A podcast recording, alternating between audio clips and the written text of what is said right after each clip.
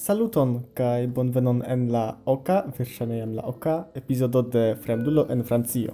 Unue eta ĝisdatigo, ĉar kelkaj homoj demandis min kiel fartas mia dento kaj mia gingivo, La gistatigo estas ke antaŭ hieraŭ oni forigis mian saludenton, do nun mi prenas medikamentojn por ke tio ne doloru, mi prenas antibiotikon kaj generale mi preferas ripozi kaj mi multe dormas. Sed pri la tuta vizito ĉe la dentisto kaj tiel plu mi eĉ ne volas pensi nun, do eble en iu el la venontaj epizodoj mi rakontos kiel tio aspektis anstataŭe hodiaŭ mi preferus koncentriĝi io pli agrabla, io fakte iom ligita al la temo de la lasta epizodo, tio estas la temo de miei studoj. Pli precize mi ŝatus paroli pri tradukado de muzika teksto kaj pri la defioj, kiuj ligiĝas al tia entrepreno. Do, en la pasinta jaro mi engaĝiĝis en tre interesa projekto Fakte mi tute hazarde vidis iun anoncon en iu telegrama grupo, ke iu serĉas iujn tradukistojn, kiuj ŝatas muzikon aŭ kiuj okupiĝas pri muzikologio kaj tiel plu, por traduki bildstrion, kiu temas pri la historio de muziko kai fakte temis pri grupa traduko de de la angla lingva bildstrio Theft a History of Music do Stelo Historio de Muziko de tri universitataj profesoroj pri juro Keith Aoki, James Boyle kaj Jennifer Jenkins. Do pro tio che ci esis autorita de professore pri juro, vi povas diveni che la cefa temo facta ne estas muziko, sed io alia, cae ci case tio estas la autor raitoi kai la copyrighto. Kiam mi registras ci tiun episodon, disponeblas pli malpli duono de la traduco, vi povas iri al la retejo verkoj.com ke tie vi trovos inter aliaj bilstrioj la bilstrion ŝtelo historio de la muziko el ducent kvindek paĝoj, cent kvindek jam estas tradukitaj kaj alireblaj. Do la bistrio mem, et in la angla estas tre interesa, char gi montras la historion de musico lau la evoluo de copyrighto, au eble la evoluon de copyrighto lau la historio de musico. Compreneble pro tio che la aŭtorrajtoj estas eh, nu relative lastatempa afero. La focuso de la rakonto trovigas en la dudeca kaj dudec unuaj arcentoi. Fakte mi pensas ke tiuj cent dudek jaroj okupas preskaŭ trionon de la enhavo de la bildstrio kaj pro tio ke la bildstrio estas usona kaj ke la plej grandaj ŝanĝoj en la aŭtorrajtoj kaj copyrighto okazis en Usono, la plejparto de la rakonto estas pri Usono. Se temas pri la muzika flanko, indas noti ke ĝi koncentriĝas je la populara muziko. Do jes pri la pasintaj epokoj vi trovas kompreneble la plej grandajn komponistojn de la arta muziko, Bach, Mozart kaj tiel plu sed se temas pri la dudeka jarcento vi vidos ke temas plejparte pri la tre konataj grupoj kaj kantistoj pri rock'n'rollo kaj roko kaj tiel plu. Kaj kvankam mi ne tradukis la tuton mi tradukis nur parton ne scias eble kvindek paĝojn. Mi trovis kelkajn interesajn problemojn se temas pri tiu traduko. Kaj tiujn problemojn mi provis grupigi en kvar kategoriojn. Unue mi ŝatus diri ion pri la terminologio char se oni pensas ke estas iu muzika teksto oni diru, la plej granda problemo estas terminologio.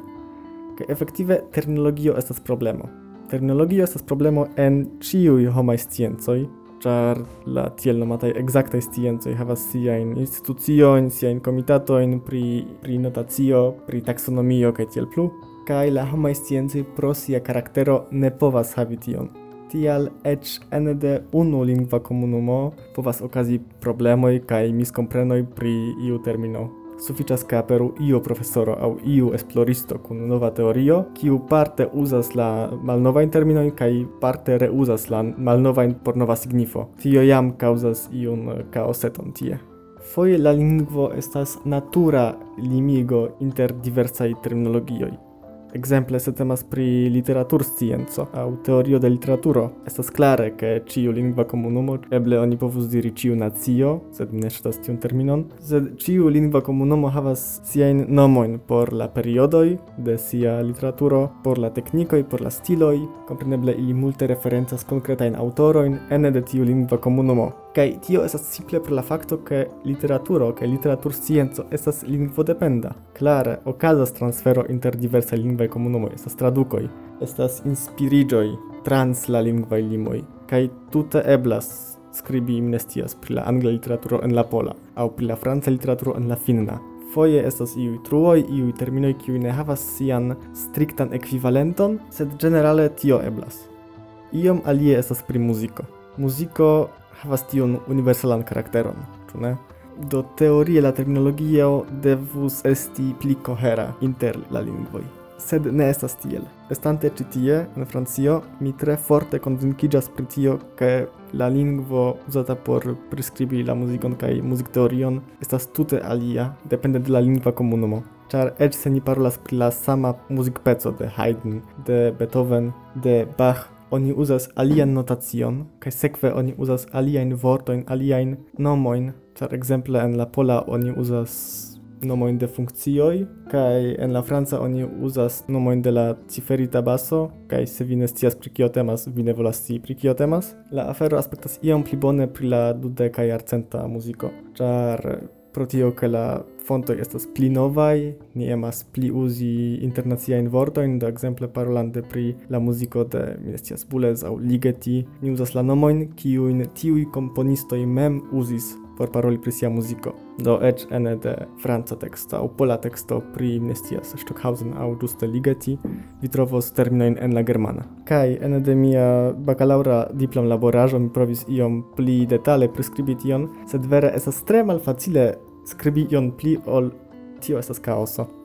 do oni povas simple nur citi ekzemplojn de tiu kaoso, de tiuj konstantaj ŝanĝoj en la terminologio, kiuj kaŭzas ke por tiu termino simple ne estas unu bona ekvivalento en alilingva terminologio. Sed, kiel mi jam diris, la terminologio ne estis la plej granda problemo en tiu traduko, ĉar oni simple povas decidi ke bone, ke ni nomas tion rhythm and blueso, ni nomas tion rock and rollo, ni nomas tion popo, sed estis iu fragmentoj kie oni ne sciis kion decidi kaj ne estis tiom facile. Ekzemple en tiu bildstrio estis multege da citaĵoj kaj parafrazoj kaj aludoj kaj vortludoj, titoloj. Ekzemple estis uh, citaĵo el iu kanto, sed la vortoj estis ŝanĝitaj por paroli pri la copyrighta kunteksto de tiu kanto. Do oni povus demandi sin, ĉu oni lasu la vortojn kiel ili estis en la originala versio, tiel estos pli proksima al la originala citita kanto. Sed tiam oni perdas la tutan sencon de tiu ŝanĝo, de, de tiu copyrighta kunteksto. Kaj se oni tradukas, do la demando estas ĉu oni traduku laŭ la ritmo kaj la formo de la citita kanto, ĉu iu leganto rekonos tiun kanton, kaj kiel fari ke tiu vortludo kiu okazas en la angla estu ankaŭ vortludo en Esperanto.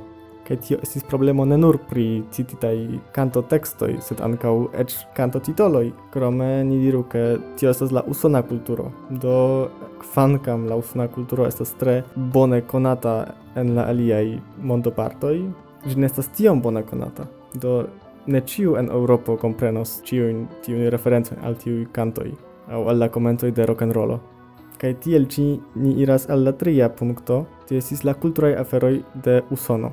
char krom la titoloj kaj la tekstoj kaj tiel plu, estas ankaŭ aferoj kiuj estas strikte ligitaj al la kulturo de Usono kaj al la historio de Usono. La disvolviĝo de la populara muziko en Usono estis strikte ligita kun la rasismaj institucioj kaj la rasisma sistemo kiu funkciis kaj iu grade daŭre funkcias en Usono.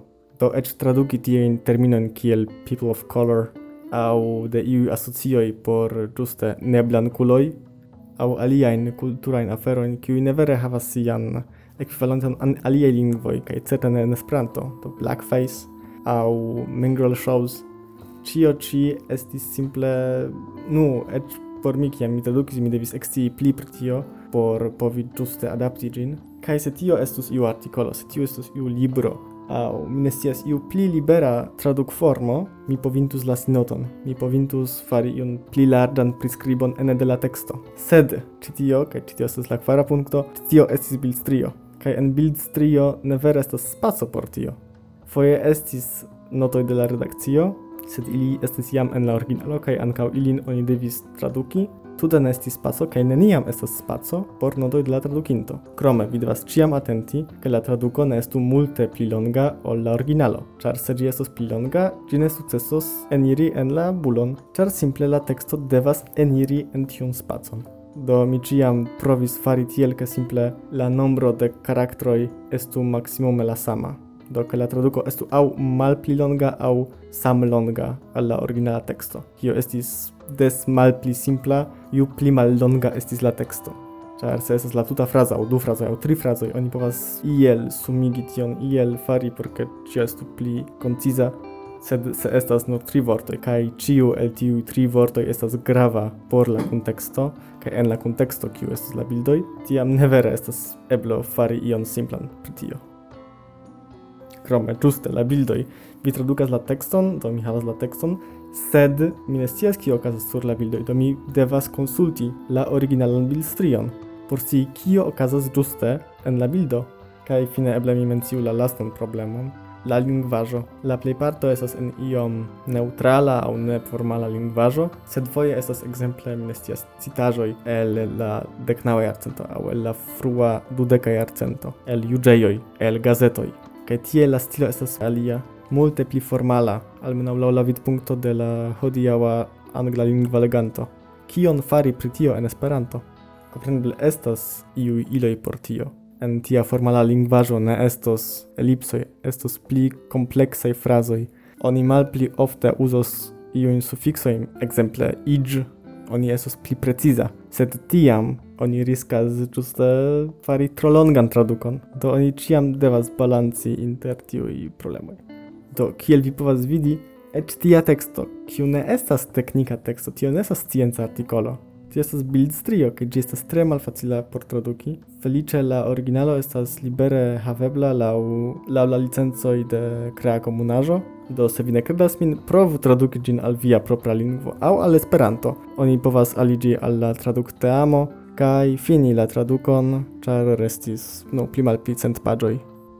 Bone, mi esperas che tio estis iom interesa por vi. Tio estis pli spontanea ol eh, uh, miai normale episodoi, char mi nur fakte notis tiujn kvar kategorioin, kiun mi volis mencii. Tio estas la terminologio, la citaĵoj kaj parafrazoj, la kulturaj aferoj kaj la bildstriaj ecoj, kaj tio estas miaj sentoj pri la traduko. Laŭ mi la rezulto ne estas malbona, do se vi volas, vi povas vi povas legi tion bildstrion, ĉe verkoj.com. Mi kore invitas vin fari tion, kaj se vi havas iun rimarkojn, vi povas skribi al la prizorganto de la retejo, aŭ vi povas skribi al mi, Kaj se tion parton ne mi tradukis, tiam mi ne povos respondi kiel mi faris tian elekton, sed se tio estos parto kiun mi tradukis, ni povas diskuti verve kaj vigle pri la elektoj kiun ni faris. Kaj mi certas, ke kelkaj elektoj estis malfacilaj kaj estis multe da kompromisoj, do se vi ŝatas trovi tiajn aferojn kaj